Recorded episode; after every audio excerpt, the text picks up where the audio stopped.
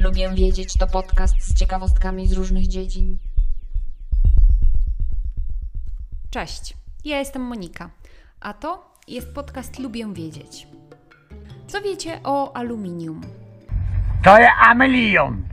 Co to jest? Amelion. Co? Amelinon. Ja do tej pory kojarzyłam garnki do gotowania mleka i folię aluminiową.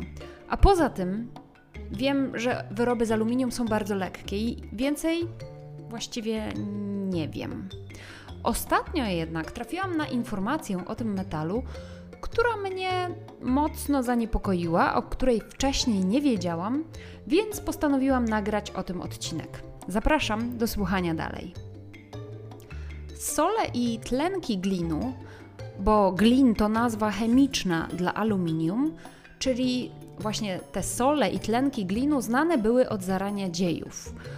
Uwodniony, mieszany siarczan tego pierwiastka, tak zwany ałun, był używany jako środek antyseptyczny przez starożytnych Greków.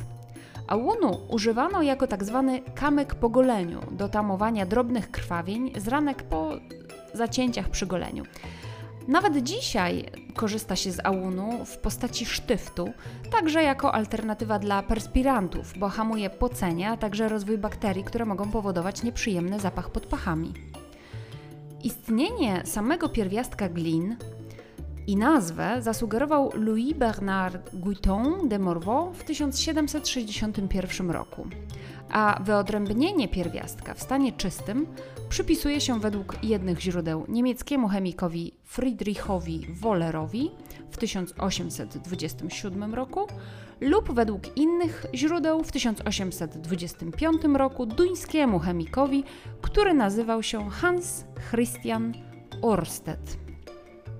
Aluminium jest tanie, lekkie, odporne na korozję, a więc jest cenionym metalem, którego samego albo w stopach z innymi metalami czy też minerałami używa się do produkcji wielu produktów. Od folii kuchennej i puszek do napojów, części karoserii i silników samochodów, przez poszycia i elementy konstrukcyjne samolotów, aż po części statków kosmicznych. I chociaż aluminium jest jednym z materiałów najczęściej poddawanych recyklingowi, bo podobno 75% całego aluminium, jakie kiedykolwiek zostało wyprodukowane, jest nadal w użyciu, to mimo to jest tak wysokie zapotrzebowanie na ten materiał, że nadal bardzo dużo się go produkuje. Ale niestety ten materiał, ten metal ma swoją ciemną stronę, tak zwane czerwone błoto. Tak nazywana jest brązowawo-czerwona zawiesina, żrąca mieszanina tlenków bogatych w żelazo i krzem, często z domieszką pierwiastków radioaktywnych oraz rzadkich minerałów, jest pozostałością po wydobyciu aluminium z rudy boksytu. Produkcja aluminium rozpoczyna się bowiem od wydobycia boksytu, skały bogatej w tlenek glinu, która zawiera również mnóstwo innych pierwiastków, w tym krzem, żelazo czy tytan. Aluminium wydobywa się z rudy za pomocą dwóch procesów, takiej kombinacji zabiegów z użyciem m.in. żrących chemikaliów.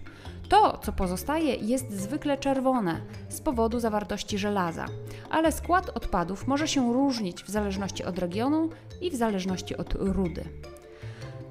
Niestety tego czerwonego błota, tego odpadu przybywa. Na całym świecie około 3 miliardy ton czerwonego szlamu jest obecnie składowanych w ogromnych stawach ściekowych lub wyschniętych kopcach, co czyni go jednym z najbardziej rozpowszechnionych odpadów przemysłowych na świecie.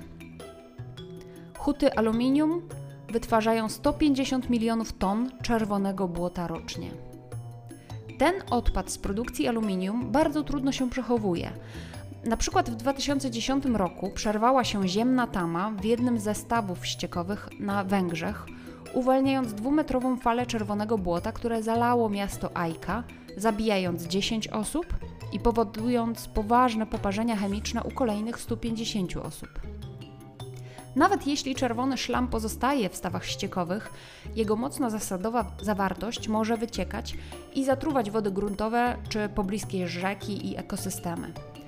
Świadomość dużej odpowiedzialności, a także rosnące presje regulacyjne na całym świecie narzuciły na firmy konieczność znalezienia zrównoważonych sposobów recyklingu czerwonego błota. Zaczęto więc opracowywać różne sposoby wydobywania cennych metali rzadkich, a inni przekształcają muł w cement lub cegły.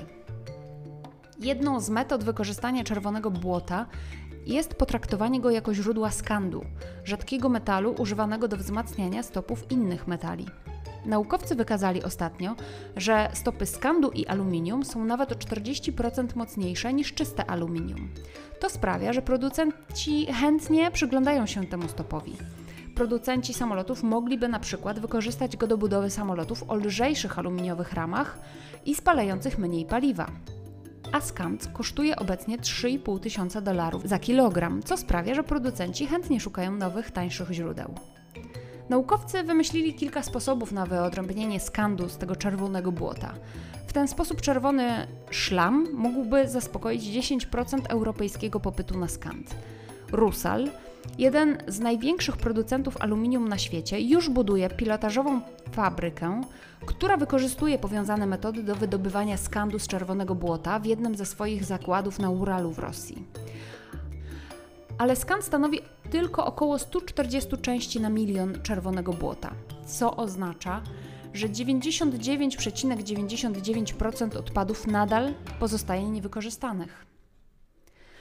Inne podejścia mają na celu wykorzystanie większej ilości odpadów. Jednym z pomysłów jest na przykład wykorzystanie czerwonego błota, które zawiera od 40% do 70% tlenku żelaza do produkcji cementu bogatego w żelazo. Świat zużywa ponad 4 miliardy ton cementu rocznie, głównie jako spoiwo w betonie. Najpopularniejszą wersją jest cement portlandzki, wykonany z krzemianów wapna, które reagują z wodą, tworząc taką twardą bazę. Jednak w 2015 roku naukowcy z Nowej Zelandii poinformowali, że dodając do czerwonego szlamu zwykły dodatek do cementu zwany pelistą krzemionką wraz z niewielką ilością żelaza, mogą stworzyć cement o mniej więcej takiej samej twardości jak cement portlandzki. Naukowcy pracują nad rozwiązaniami, które umożliwiłyby producentom wytwarzanie cementu z czerwonego błota o różnym stężeniu żelaza. Co ciekawe, ze względu na swój skład chemiczny czerwone błoto może wychwytywać i blokować dwutlenek węgla, czyli gaz, który w ogromnej mierze przyczynia się do ocieplania klimatu. W Australii producent aluminium Alcoa wypuszcza CO2 w odpady po produkcji aluminium.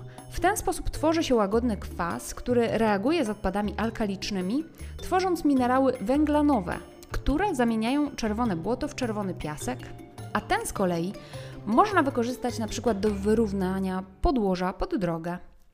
Firma szacuje, że czerwone błoto z jednej rafinerii aluminium może zablokować 70 tysięcy ton CO2 rocznie, co odpowiada usunięciu z dróg ponad 15 tysięcy samochodów. Problem jednak polega na czymś innym, nie na braku pomysłów na zagospodarowanie odpadów po produkcji aluminium. Od 1964 roku naukowcy opatentowali około 700 zastosowań czerwonego błota. Jednak obecnie tylko 3% tego odpadu podlega recyklingowi.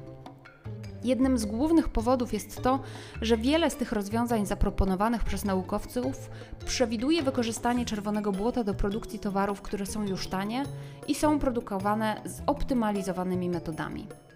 Ponadto to czerwone błoto nie jest łatwe w obsłudze. Przemysł żelazny broni się na przykład przed wydobywaniem z niego metalu, ponieważ żrące odpady niszczą kluczowe komponenty w ich hutach. Ponadto na rynku dostępna jest ruda żelaza o znacznie lepszej jakości.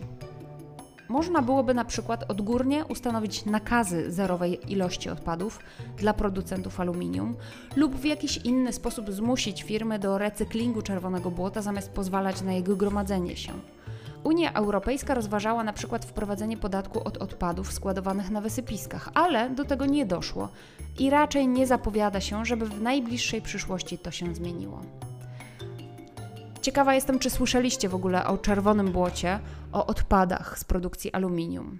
I ciekawa jestem, czy w ogóle używacie czegokolwiek z aluminium. Ja przyznam się, mam zawsze folię aluminiową w domu. Dziękuję za wysłuchanie tego odcinka.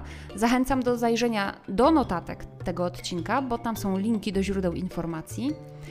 Możecie także polubić fanpage podcastu na Facebooku lub na Instagramie. W obu miejscach szukajcie hasła Lubię Wiedzieć. Tam zamieszczam dodatkowe nowinki. Zapraszam także na mój drugi podcast, Fiszkowa Kartoteka, bo tam mówię o książkach. Do usłyszenia. Cześć!